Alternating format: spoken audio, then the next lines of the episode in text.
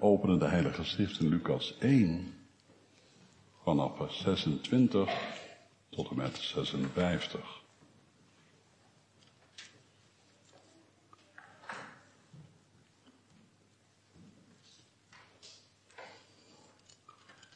De tekst voor de preek wordt vers 48, het tweede deel van die tekst. Van het vers, want zie, van nu aan zullen alle geslachten mij zalig spreken. We gaan eerst lezen wat de aanleiding is tot deze woorden die Maria hier mag uitspreken. Lucas 1 vanaf vers 26. In de zesde maand werd de engel Gabriel door God gezonden naar een stad in Galilea, waarvan de naam Nazareth was. Naar een maagd die ondertrouwd was met een man van wie de naam Jozef was, uit het huis van David. En de naam van de maagd was Maria.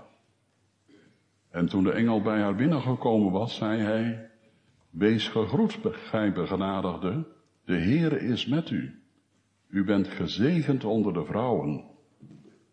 Toen ze hem zag, raakte ze in verwarring door zijn woorden en ze vroeg zich af wat de betekenis van deze groet kon zijn. En de engel zei tegen haar, wees niet bevreesd, Maria, want u hebt genade gevonden bij God. En zie, u zult zwanger worden en een zoon baren, en u zult hem de naam Jezus geven. Hij zal groot zijn en de zoon van de Allerhoogste genoemd worden. En God, de Heere, zal hem de troon van zijn vader David geven. En hij zal over het huis van Jacob koning zijn tot een eeuwigheid. En aan zijn koninkrijk zal geen einde komen.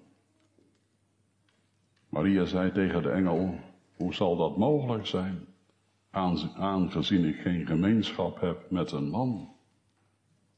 En de engel antwoordde en zei tegen haar, de Heilige Geest zal over u komen en de kracht van de Allerhoogste zal u overschaduwen.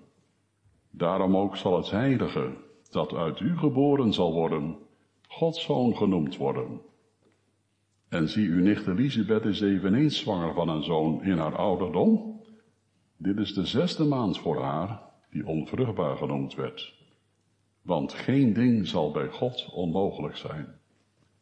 En Maria zei, zie de dienares van de Heere, laat met mij geschieden overeenkomstig uw woord.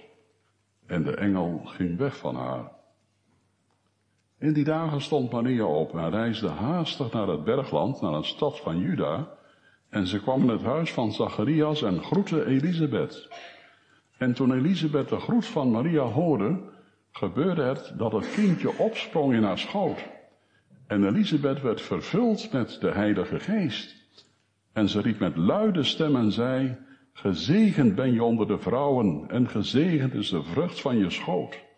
En waaraan heb ik dit te danken, dat de moeder van mijn Heere naar mij toe komt?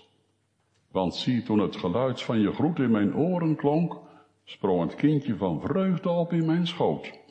En zalig is zij die geloofd heeft, want wat haar van de kant van de Heere gezegd is, zal volbracht worden.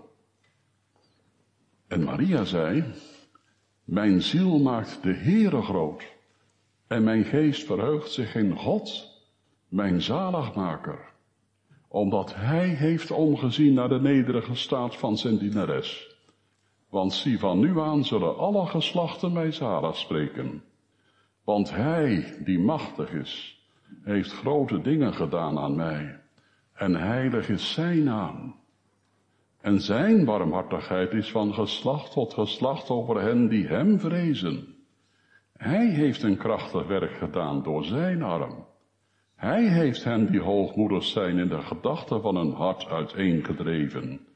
Hij heeft machtigen van de troon gestoten en nederigen heeft hij verhoogd. Hongerigen heeft hij met goede gaven verzadigd en rijken heeft hij met lege handen weggezonden.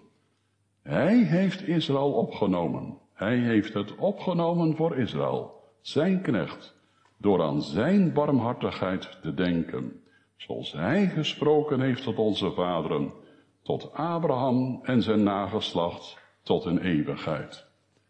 En Maria bleef ongeveer drie maanden bij haar en keerde terug naar haar huis. Tot zover de tekst en de schriftlezing. Ja, hoe is het eigenlijk allemaal begonnen, kinderen? Met Maria. Jij weet wel hoe jouw leven begonnen is. Je geboren werd. Toch?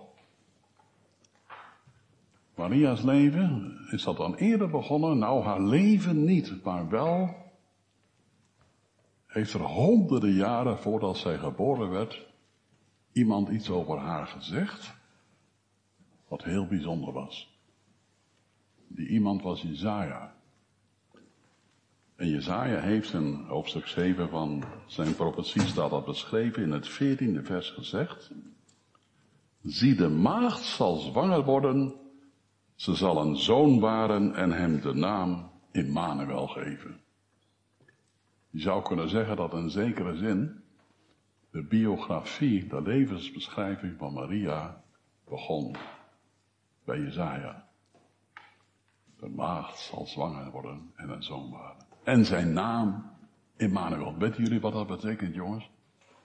Immanuel. Ja, God met ons. God met ons. Maria heeft, toen zij in Nazareth woonde, natuurlijk die profetieën gehoord. Het blijkt wel als ze gaat zingen, dan is het één collage van teksten uit het Oude Testament, uit de profeten en de psalmen. Het is er vol van. Ze is er blijkbaar weer opgegroeid. En wat heerlijk is het als jullie ook in je gezin gewend zijn om Bijbel te lezen en teksten zo vaak te horen dat je ze uit je hoofd kent. Toen ik destijds voor Friedesteam in de Sovjet-Unie kwam, toen zeiden de mensen daar, als de vervolging losbreekt, moeten onze kinderen tenminste 500 Bijbelteksten uit hun hoofd kennen. Zodat als ze gevangen genomen worden, of ze komen in ballingschap en ze mogen geen Bijbel bij zich hebben, dan hebben ze die Bijbel in hun hart. God met ons is God in ons hart. Mooi hè?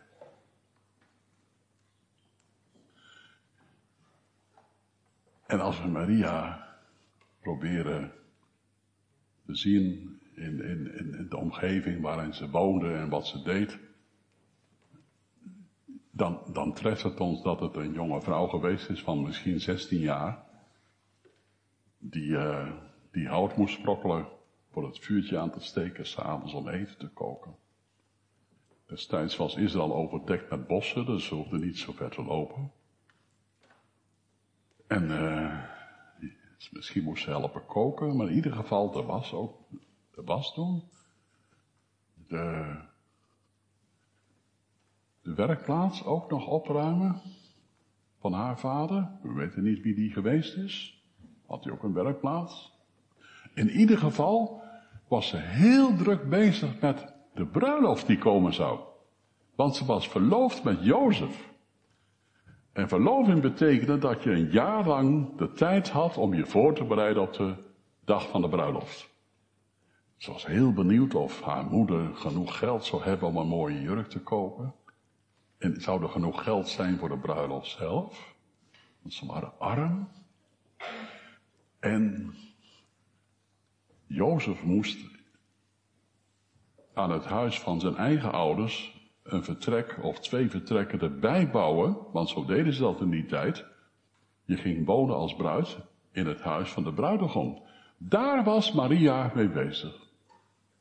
En toen plotseling keek ze oog in oog met de engel. Plotseling stond heel haar leven op zijn kop. En werd niets meer wat het was. En zou het nooit meer worden wat het geweest was. Engel bracht haar een zeer blijde boodschap. Engelen zijn gewend om God te aanbidden. Engelen verkeren in de vreugde van de hemel. Engelen zijn dan ook zeer begeerig, zegt Petrus, om te zien hoe het in de gemeente toegaat, ook in Kralingse Vier. Het geheim van Gods werk in de gemeente. Die vertrouwelijke omgang met de Heer. Daar hebben ze ontzettend veel belangstelling voor. En nu blijkt ook dat, dat in de hemel dit eenvoudige meisje bekend is. Mariam werd ze in die tijd genoemd. Mariam, oftewel Miriam, daar was ze zeker naar genoemd. Dat eenvoudige meisje was bekend in de hemel. Wisten jullie kinderen dat jullie bekend zijn in de hemel? En dat zij die daar in de vreugde zijn, niets willen, niets liever willen dan dat je ook gaat delen in die vreugde. Verheugd in God naar waarde nooit te danken. Je zou kunnen zeggen, wedergeboorte, bekering, tot geloof komen, dat is de aanloop, dat is de weg waarlangs we gaan delen in de vreugde, in de aanbidding van God. Aanbidding. Ja. Want lieve mensen, Maria is een exempel, een voorbeeld van de gelovigen in moeilijke tijden. Maria is het voorbeeld van een kind van God, wat God aanbidt en zo de vrees voor de toekomst wegzingt. Aanbidding van God is het beste medicijn in coronatijd tegen de vrees voor de toekomst.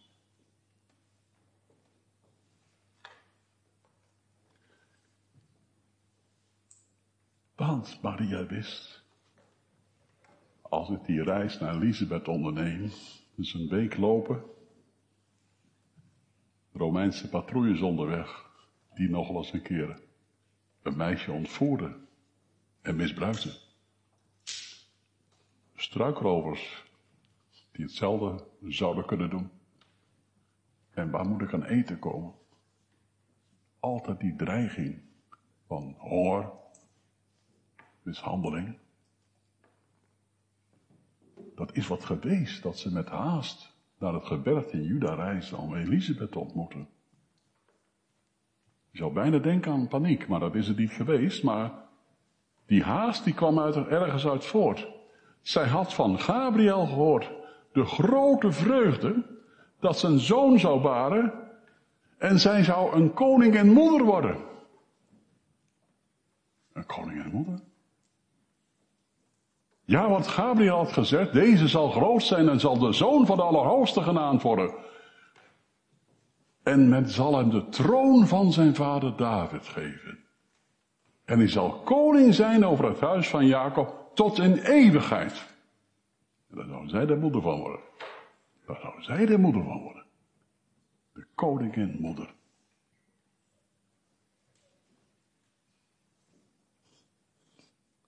Elk meisje, elke jongen Israël hoopt op de komst van de Messias, de Christus, de koning, de heiland.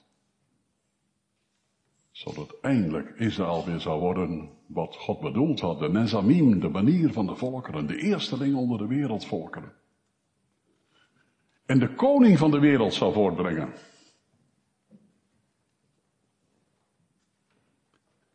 En toen ze bij de woning van Elisabeth aankwam en de drempel overstapte, vond daar een overschaduwing plaats. Ik ben het met die uitleggers eens die zeggen, op dat moment werd Maria overschaduwd door de Heilige Geest.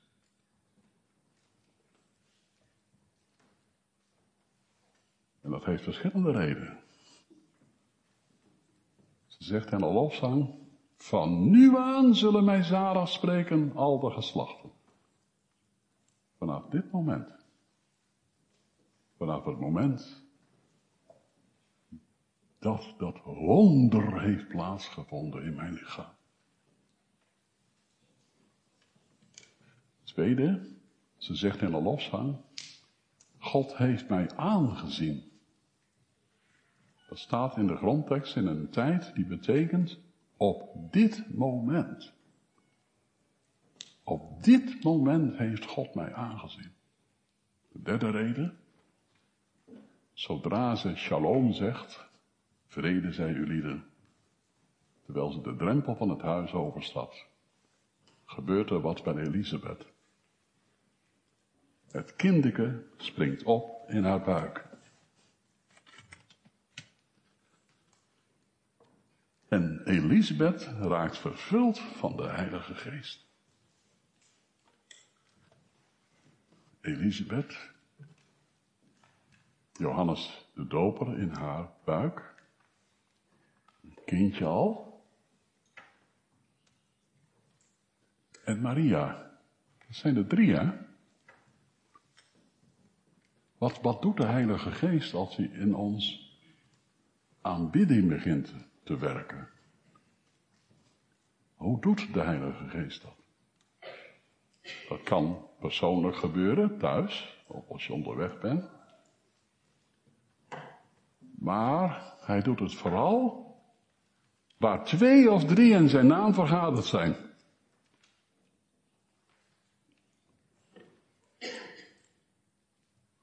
Maria, Elisabeth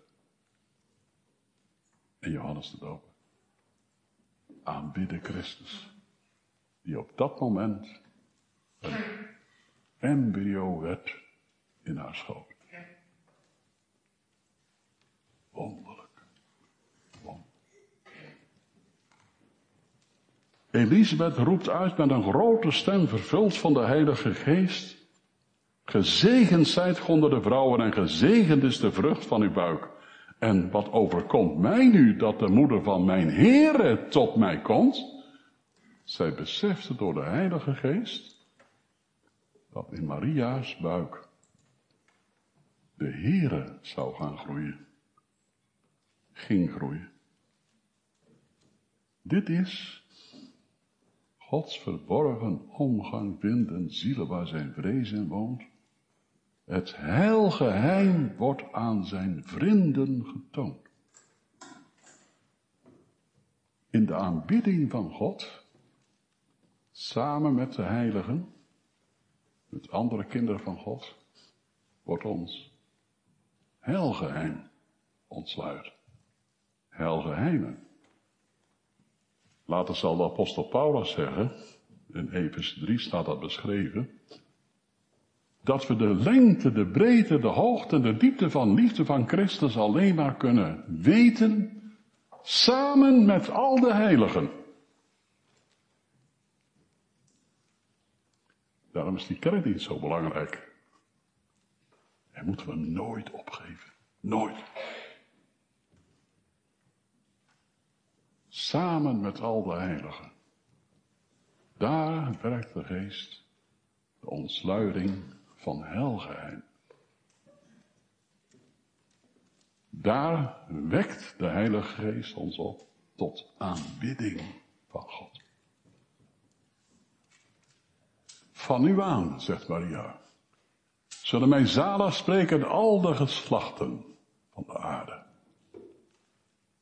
Zalig spreken heeft hier vooral de betekenis van gelukkig prijzen. Ze zullen mij gelukkig prijzen alle geslachten van de aarde. Zeg, hoe zit dat eigenlijk? Al de geslachten van de aarde. Is het zo dat alle mensen, alle generaties, dus wat jullie betreft kinderen, jullie, je ouders, grootouders, alle geslachten, generaties, dat ze allemaal Maria gelukkig prijzen? Nou, professor Huygen zegt, dat zouden we moeten gaan doen, hè? Die heeft een mooi boek geschreven over Maria. En die vraagt aandacht voor Maria. En die vindt dat Maria een belangrijke plaats in de kerk moet krijgen. Bij alle mooie dingen die hij daarover schrijft, denk ik toch. Hij noemt haar de de moeder van alle gelovigen. Staan nergens in de Bijbel.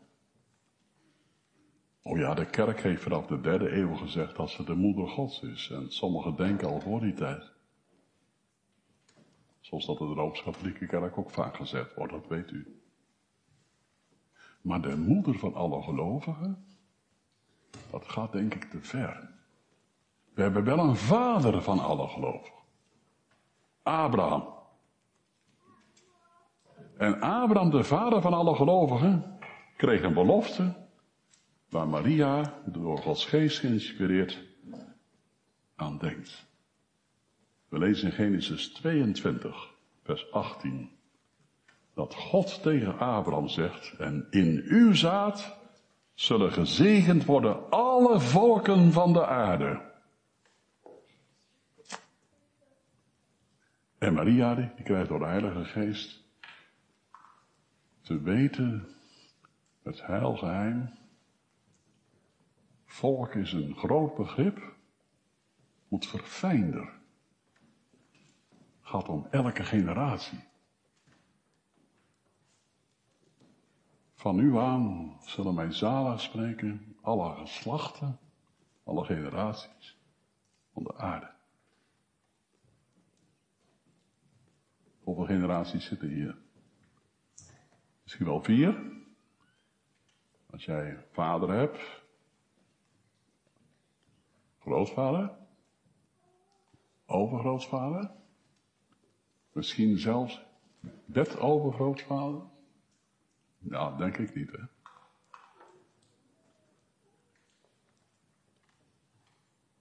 Kunnen jullie daar wat mee, jonge mensen?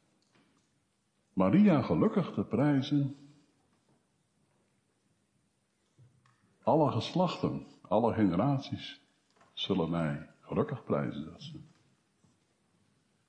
Nou dominee, ik denk het niet, want als u dan bezwaar hebt tegen het feit dat Maria een te grote plaats krijgt in de kerk, zoals dat in de Roomse kerk gebeurd is, dan moeten we niet Maria gaan verheerlijken, denk ik. Maar dan moeten we de Heer Jezus. Precies de Heere Jezus verheerlijken. Haar zoon. Onze koning. Onze heiland. Dus hoe werd Maria gezegend? Met de geboorte van Christus? Hoe worden alle geslachten van de aarde gezegend?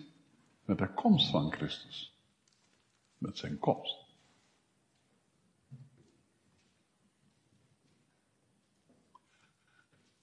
En als we dan wat verder mogen afdalen in de tekst. Wat gebeurt hier met deze vrouw? Ze is vervuld van de Heilige Geest.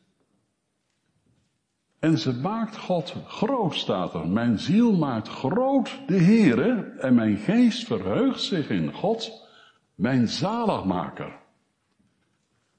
Mijn ziel maakt grote Heere. In het Latijn begint dat met magnificat. Dat zegt jullie niks natuurlijk, maar jullie kennen misschien wel het woord magnifiek. Als je een prachtig concert hoort, dan zeg je magnifiek. Een schitterend gebouw, magnifiek. Iemand die hoge prestatie heeft geleverd, magnifiek. Wat doe je dan? Dan maak je iemand groot. Dan prijs je iemand. Waarom mocht Maria zich gelukkig prijzen? Omdat ze geleerd had God te prijzen. Groot te maken. Wat is dat groot maken? Wel, jullie hebben vast wel eens een keer, als het helder weer was, s'nachts naar de sterrenhemel gekeken. En als je dan een kijker in huis hebt, of zoals sommigen een telescoop kijken, en je richt die op een ster, dan kan het gebeuren dat je, als je hem dichterbij haalt, dat het de planeet Jupiter of Neptunus is. Prachtige kleuren. Die zie je niet als je zonder verrekijker kijkt. Die zie je alleen als je inzoomt met een verrekijker of een telescoop. Wordt die ster dan groter als jij inzoomt? Nee, het blijft dezelfde ster. Hoe wordt die ster dan groot gemaakt? Doordat je hem dichterbij haalt. In het geestelijk leven, het leven met de Heer Jezus, halen we hem dichterbij door hem groot te maken. Hij wordt dan ook groter voor ons. Hij is dezelfde Heer, maar hij wordt steeds groter. Hoe meer je hem dichterbij haalt. Hoe meer hij in je hart gaat leven. Hoe meer je wat van hem vindt, wat je nergens anders in de wereld vindt.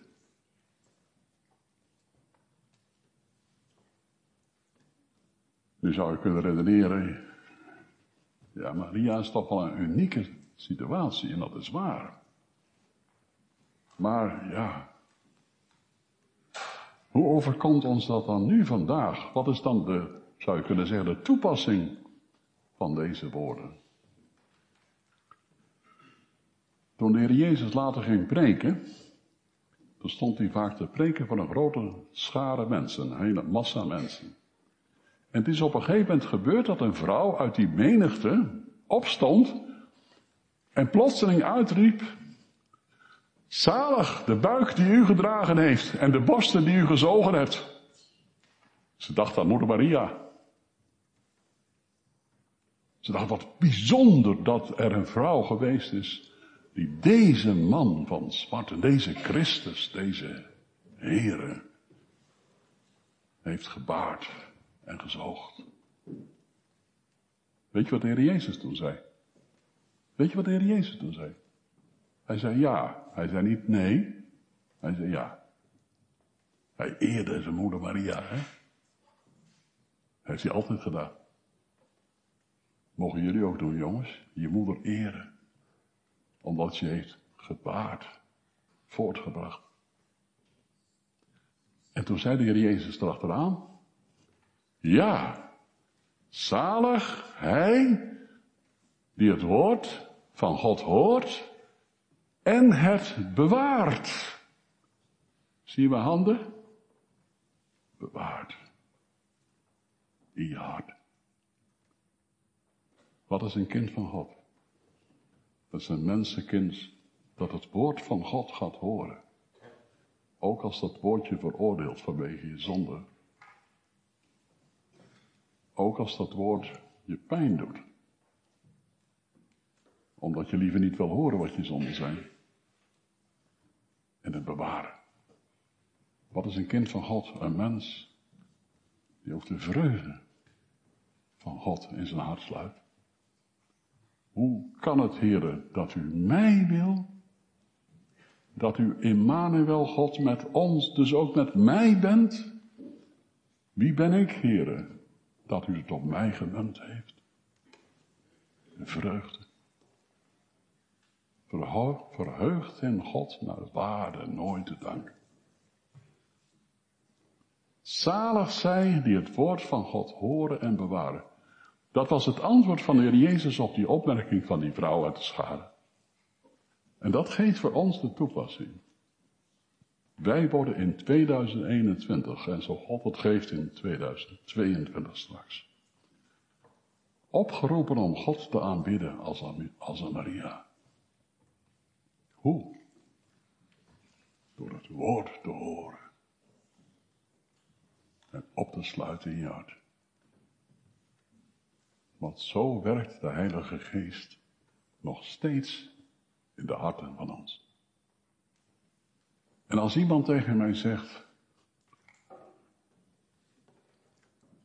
ik heb dat eigenlijk nog nooit meegemaakt.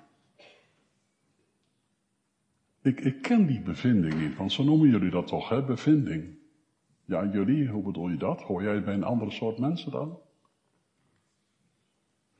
Nou, ik reken mezelf niet tot Gods kinderen, dominee, dat klopt ja. En hoe komt het nou dat je van sommige mensen dit soort ervaringen hoort en van anderen niet? Let eens op wat Maria zegt over zichzelf. Omdat hij de nederheid van zijn dienstmaagd heeft aangezien. Staat in het begin van vers 48. Nederheid, lage staat zingen we. Die in haar lage staat. Dat is heel mooi eigenlijk, want dat betekent status. Maria had een hele lage status. Misschien is uw of jouw status te hoog, waardoor je nog nooit een gevoelige ervaring hebt gehad en aangeraakt worden door het woord van God.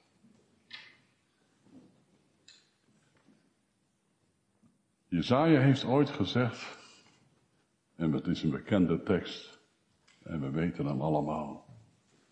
Ik zal zien op deze, op de ellendige en verslagene van geest, die voor mijn woord beeft. Die voor mijn woord beeft.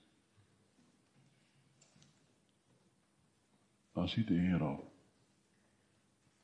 En als die op ons ziet, en wij gaan op hem zien, wordt het vindenstijd. De manier waarop wij een ontmoeting met God mogen ervaren, is het horen en bewaren van zijn woord. Want dat maakt ons nederig. Dat brengt ons in een lage staat, een lage status. Dan hoeven we niet meer hoog op te geven van onszelf en we willen dat ook niet meer. Herkent u dat? Herken jij dat? Aanbidding ontstaat op de akker van de nederigheid. Door het woord van God. Ik heb wel eens aanbiddingsbijeenkomsten meegemaakt in andere soorten gemeenten als deze. En ik denk nooit, nee nooit, ik voelde me zo geweldig. Ik werd er zo in meegenomen. Maar wie aanbad ik eigenlijk? Mijn gevoel? Bracht het mij dichter bij Christus? Was het na die bijeenkomst zo dat ik hartelijker verbonden werd aan de Heer Jezus of niet? Nee. Nee, dat gebeurde wel in een schuurtje bij Hulshorst, waar een gewone dominee een gewone preek hield. En de Heer mijn hart opende om de dierbaarheid van Christus te zien. De eerste christengemeenten hadden dat soort vuurtjes. Honderden jaren lang. Huisgemeentes. Geen grote meetings. Geen grote aanbiddingsbijeenkomsten zoals ze nu genoemd worden. Maar ik verzeker u dat God daar meer aanbeden werd als in de megakerken van onze dagen. De eerste christengemeentes hadden geen kerstvieringen. Het heeft waarschijnlijk tot 375 na Christus geduurd voordat Chrysostomus, een bekende predikant in die dagen, sprak van een kerstviering die ze zouden gaan beginnen. In die eerste christengemeentes was alles geconcentreerd op de Heer Jezus. En geen poeha eromheen. En daar mogen we wel op letten horen in onze tijd. We houden elkaar niet vast door van alles en nog wat buizende prediking te organiseren, wat misschien aantrekkelijk lijkt, voor ons gevoel. Maar ook voor het gevoel van God. Dat brengt ons bij een diepere laag in de tekst. Aanbidding is dat we in de gedachtenwereld van God binnenkomen. Aanbidding is dat we in de emotie van God binnenkomen.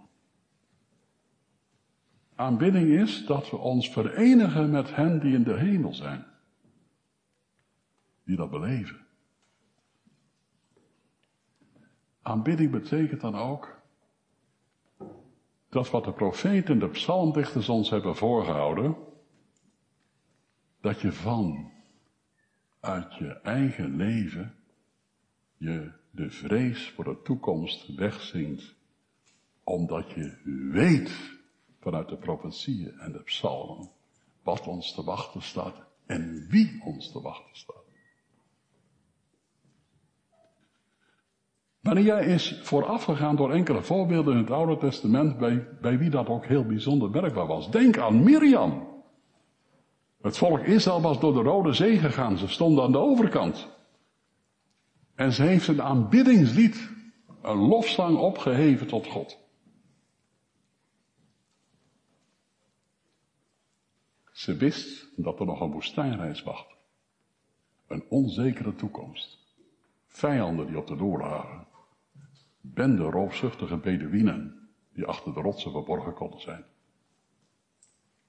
Ze wist niet hoe het zou gaan met eten en drinken. En water, vooral water. Maar ze zong de vrees voor de toekomst weg door God te aanbidden. Mirjam. En van de week ontdekte ik iets wat ik nooit geweten heb. In Micha 6, vers 4 zegt de Heer, ik zond Mozes en Aaron en Mirjam om jullie voor te gaan. Mozes, dat was de politieke leider, zeg maar. Aaron was de kerkelijke leider. Maar Mirjam, die werd ook door God gezonden om het volk Israël voor te gaan. Hoe? In aanbidding. Om God aanbidding, eer en dankbare lofgezangen te brengen. Daar was die zonde van Mirjam en de gevolgde melaatsheid zo verschrikkelijk. Maar dat even terzijde. God gaf deze drie om Israël voor te gaan. En jongens, wie geeft God ons? Om voorop te gaan. Juist, onze Heer Jezus Christus. Je mag Hem volgen. Hij zal ons leren wat het wil zeggen om naar de vreugde toe te gaan. De vreugde des Heren. En er zijn er velen, ook uit deze gemeente, die het te horen kregen toen ze gestorven waren. Komt in, gij gezegende, gaat in in de vreugde uw Heren. Al de geslachten, zegt Maria, alle generaties, die geloven in Jezus Christus, die Hem volgen als Hij voorop gaat, die Hem volgen waar het lam ook heen gaat, ze zullen thuiskomen. Maar omdat ik u misschien wat pijn gedaan heb door te zeggen van, je hebt geen gevoelige ervaring van de aanwezigheid van God in je leven omdat je status te hoog is, dan kan ik ook nog iets anders zeggen. Augustinus was een man die een heel zondig leven had geleid. Hij kon over alles meepraten. En nadat hij tot bekering gekomen is, heeft hij zijn leven lang mogen leren om met Christus te leven. En hij kende ook zeker aanbidding. En weet je wat hij op zijn oude dag zegt? Voor degenen die Gods wegen willen leren, is nederigheid het eerste. Het tweede, nederigheid. Het derde, nederigheid. Wie Gods wegen willen leren, drie keer nederigheid. Dat valt niet mee voor een dominee. Valt ook niet mee voor een gemeentelid. Dat is het werk van de Heilige Geest. En het is zo heerlijk als je dat gaat merken. Het is een bewijs dat Gods geest in je hart is. Immanuel. God met ons. Want dat is iets wat de wereld ons niet leert. Wel nee. Maria zong zich tegen de vrees voor de toekomst in. Zoals een Mirjam. En een Deborah. En een Hanna. Deze geweldige vrouwen. Geweldig omdat ze God loofden. Niet omdat ze op zichzelf geweldig waren. Zou Maria ook niet willen dat we haar geweldig maken. Ze was begenadigd, zou ze zeggen. En, en anders niet. Deze vrouwen laten ons zien als voorbeelden hoe wij tot aanbidding komen. En dat gaat heel diep.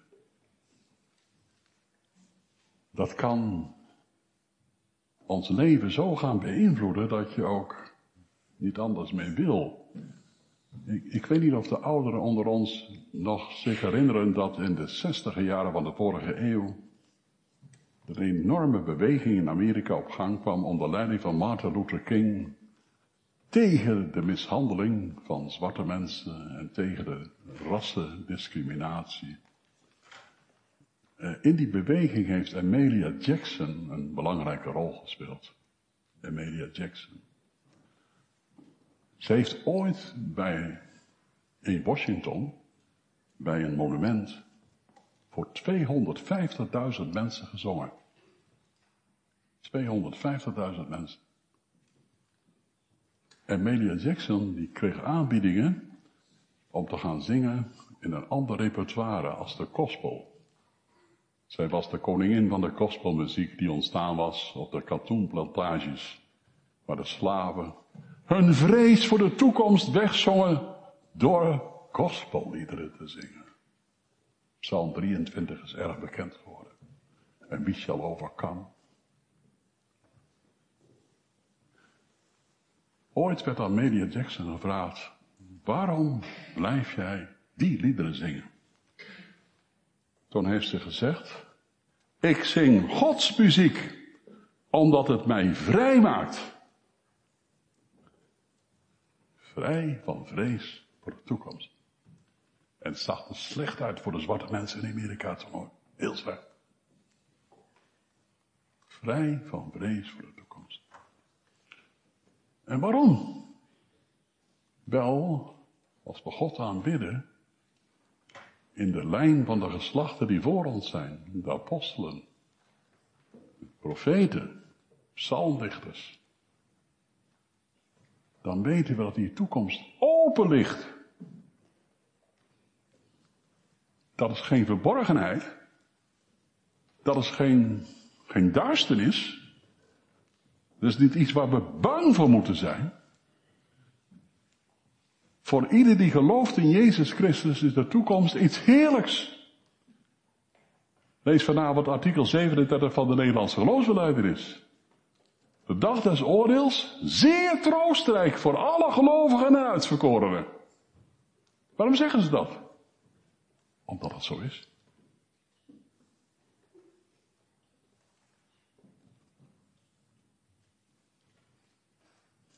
Ja, maar intussen gaat het wel door, dominee. Wat bedoel je? Nou, de strijd, dat hebben, daar hebben we het wel eens meer over gehad. De strijd tegen de wereld, de zonde, het eigen vlees. Ja, schijn maar uit. Nou nee, schijn niet uit. Ik heb ooit eens geleerd van Dietrich Bonhoeffer, die Duitse predikant, die geïnterneerd werd in de gevangenis en uiteindelijk geëxecuteerd werd. Beste manier om de vrees te overwinnen is het revolutionaire adventslied te zingen wat ooit gezongen werd, de lofzang van Maria. Want er wordt hier gezegd dat hoogmoedigen van de tronen gestoten worden, dat hongerigen met goederen vervuld worden, rijke leden weggezonden. Dat gaat allemaal gebeuren in de toekomst dictators, ook de antichrist, wordt van de troon gestoten. Christus wordt koning. Want Gabriel heeft het gezegd, deze zal koning zijn. David stroom beklimmen. Wanneer heeft Jezus David stroom beklommen? Toen hij nog in Jeruzalem predikte? Nee. Toen hij naar de hemel voer? Nee, want hij zit nu in de troon zijns vaders. Wanneer dan? Als hij terugkomt. Jezus komt terug.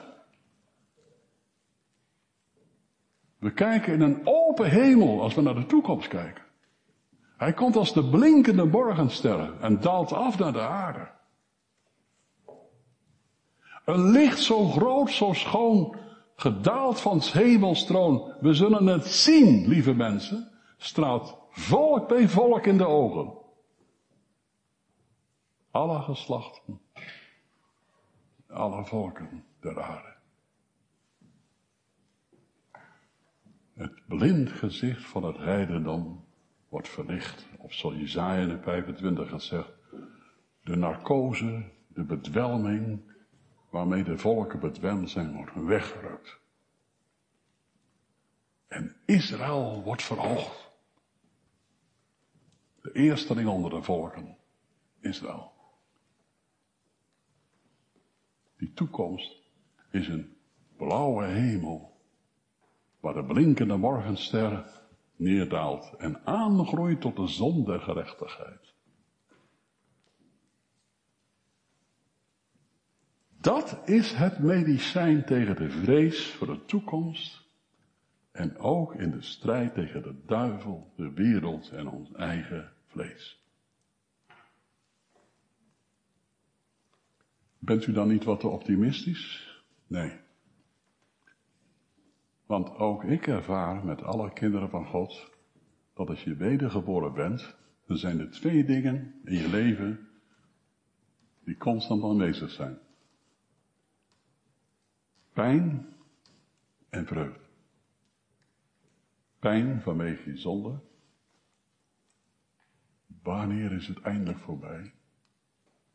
Pijn vanwege de dingen die overkomen in het leven. Heere, waarom beproeft u mij? Pijn van de dingen die andere mensen aandoen. Waarom, waarom toch, Heere, gebeurde dat? Kon het niet anders? Maar ook vreugde.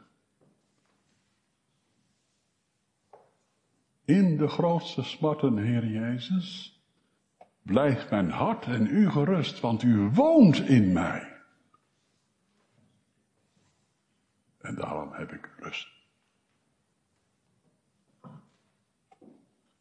Vreugde in God, naar waarde nooit te danken, die uit de hoge hemel neerkwam en straks terugkomt om zijn rijk van vrede en gerechtigheid wereldbreed op te richten. Het koninkrijk waar we elke keer om bidden in het Onze Vader. Maria heeft een leven gehad van pijn en vreugde. Och trouwens, ieder kind van God weet wat zondag 33 zegt, nietwaar? Wat is nou de echte bekering? Dat is dat je een hartelijk leedwezen over je zonde krijgt. Dat doet pijn hoor. Een hartelijk leedwezen over je zonde, dat doet pijn. Maar de bekering is ook ten tweede een hartelijke vreugde door God in Christus Jezus. Blijdschap. Pijn en blijdschap. Hoort beide bij het werk van de Heilige Geest. Om ons het beeld van Christus gelijkvormig te maken en tot aanbidding te brengen. Maria, was het niet Simeon die tegen je zei, het zal een zwaard door je ziel gaan? Ja. En hoe is dat geweest, Maria? Och, zijn vier broertjes. Zijn vier broertjes geloofden niet in hem. Ik heb mijn leven lang getopt met die vier broertjes. En toen die vier broertjes grote broers waren, volwassen mannen, geloofden ze nog niet in hem, in Jezus pijn.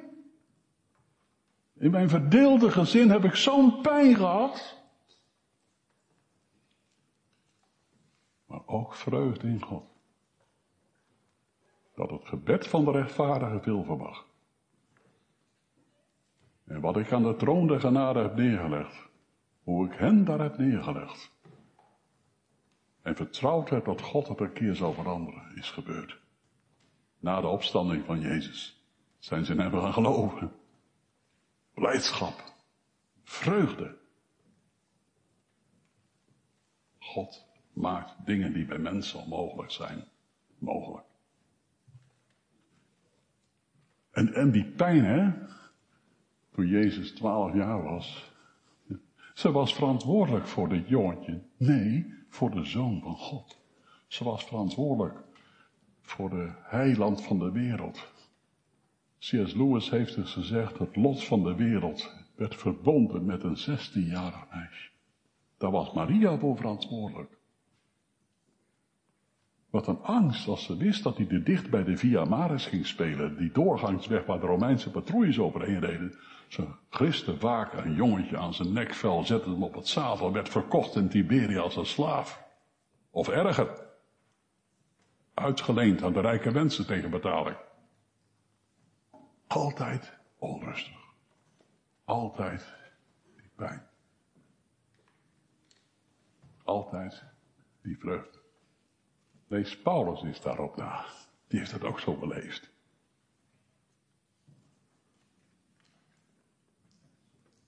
Waarom is dat zo? Omdat dit de enige manier is waarop het beeld van de zoon gelijkvormig wordt. En als je Paulus in zijn hart kreeg, en je zegt, Paulus, wat nou als je nou je diepste wens, hè, je grootste verlangen, dan zegt hij, och dat ik het beeld van de zoon gelijkvormig mag worden. Maria instrueert ons hoe dat is. Het woord van God horen en bewaren. Dat heeft zij in het bijzonder gedaan. Hè? Ze overlegde het woord wat ze hoorde, ze bewaarde het in haar hart. Ach, en later heeft die Lydia, daar in Filippi, de eerste vrouw in Europa die op, die tot bekering kwam, eigenlijk hetzelfde gedaan. Ze luisterde naar de preek van Paulus en ze nam het ter harte. Dat is de betere vertaling dan ze nam er acht op. Ze eigende het zich toe. Lieve mensen, we moeten eindigen. Ik eindig met onze koning, Jezus. Want de engel Gabriel heeft het gezegd. En de koningin moeder Maria heeft het ons vanavond gepredikt. Hij zal komen. Hij zal Israël zijn knecht opnemen. Hij zal Israël tot bekering brengen. Want hij is gedachtig aan zijn verbond met Abraham, Isaac en Jacob. En alles wat hij ooit gesproken heeft zal bestaan. Dat licht zo groot, zo schoon, zal neerdalen van hemelstroom. En dan? Waar zijn wij dan?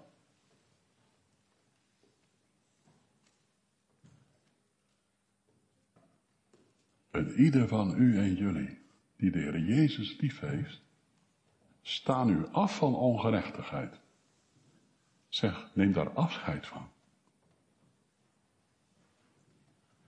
En verheug je in Hem, die zegt, zie nou, ik kom. Ik kom haastig.